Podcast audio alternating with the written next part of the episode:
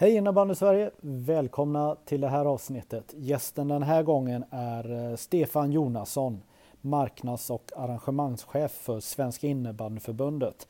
Han är också numera tillförordnad kommunikationschef. Som ni vet så eh, blandar jag ganska friskt med mina gäster. Ena veckan är det en landslagsspelare, andra veckan är det en chefstränare och i det här fallet så är det en av svensk innebandys viktigaste personer.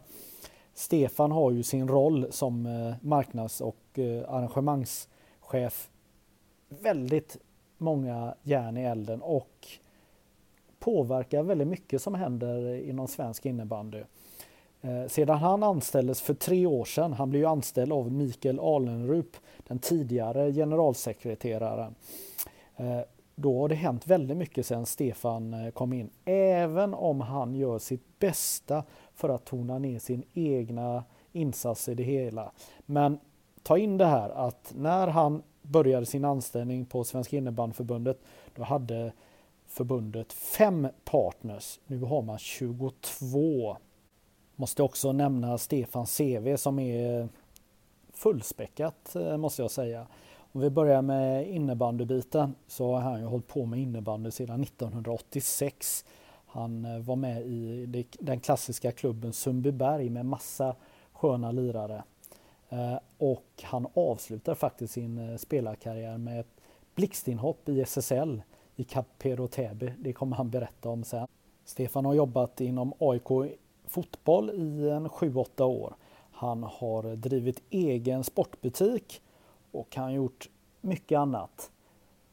Jag tänker att nu är det hög tid att vi kickar igång det här avsnittet. Nu släpper vi in Stefan Jonasson. Nu kör vi!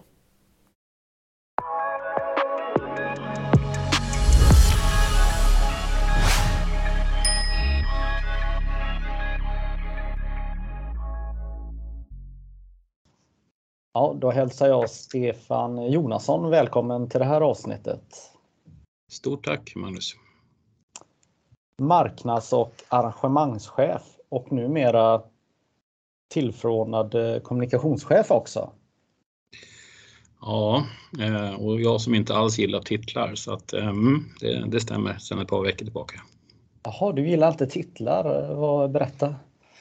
Jag vet inte, jag tycker titlarna det, det, det, är, liksom, det är något begrepp som jag tycker att man många liksom, använder gamla visitkort och så. Jag tycker att jag är inte så mycket för titlar. Jag, jag tycker, eh, jag tycker att eh, jag tycker det är en eh, jag tycker det är en överdrivet och en, en, oftast är för en stor fråga i, i, i ja, överallt. Mm. Jag tycker det ska bli vansinnigt roligt att prata med dig här. Framförallt med tanke på att du 2006 eh, sa att det här var en jävla amatörsport innebandy och så lämnar du sporten efter decennier där du har älskat den här idrotten.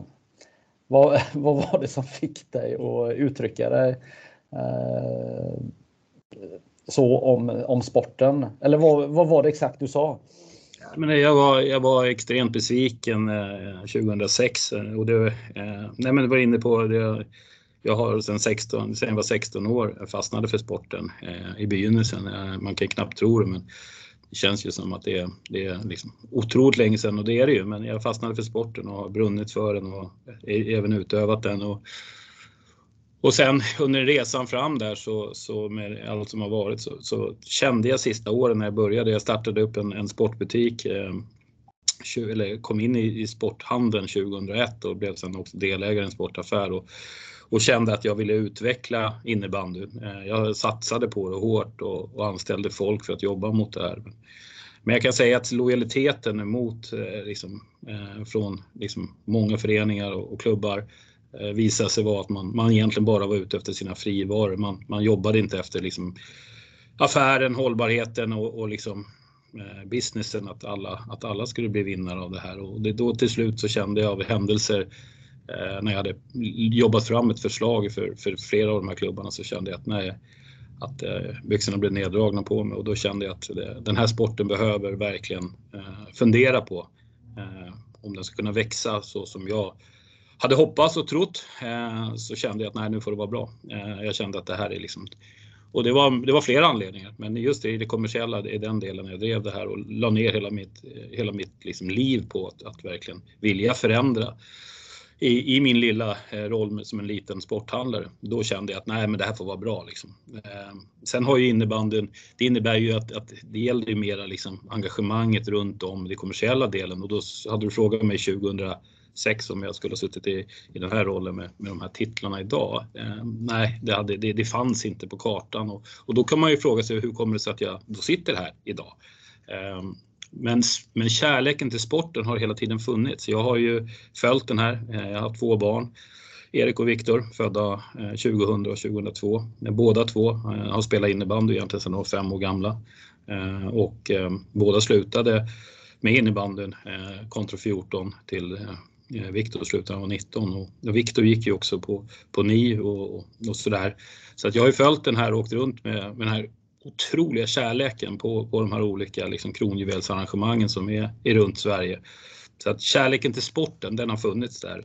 Men samtidigt har jag hela tiden följt den eh, i, i, min, i min liksom i mitt arbete på andra arbetsplatser så har jag följt den och, och, haft mina tankar på varför jag inte tycker att den lyfter, vad, vad som händer. Så den, det har funnits där hela tiden. Och, och när då sen jag tog det här beslutet 2020 att, att lämna AIK fotboll så, så uh, hade jag inte en tanke på innebandyn uh, att jag skulle börja där utan där tog jag ett, ett livsbeslut som, som gjorde att jag Uh, liksom jag, där tog ett beslut första gången i mitt liv där jag kände mitt i en pandemi att nej men nu måste jag liksom, nu måste jag hitta luft och, och liksom fundera på vad vill jag göra. Och sen tog det inte lång tid tills jag fick en förfrågan från Svenska innebandyförbundet genom Mikael att, att, att lyssna. Uh, och, och då tändes en låga hos mig som sällan har brunnit så hårt. Eh, och då kunde jag liksom inte sitta och klaga längre. Då kunde jag inte sitta där och bara tycka massor med saker utan tänkte att då kan jag vara en liten pusselbit av mot det du själv tycker. Så kör då Stefan. Du är ju, du är ju bara 53, vad fan, kom igen, du har väl ett par år till att kunna liksom sitta istället för att gnälla och tycka att det bara kändes som att det var en SM-final som är fantastisk. Det har varit i stort sett varje Vill du fortsätta lyssna på hela avsnittet? Det kan du göra som Innebandymagasinet Plus-medlem. Logga in på innebandymagasinet.se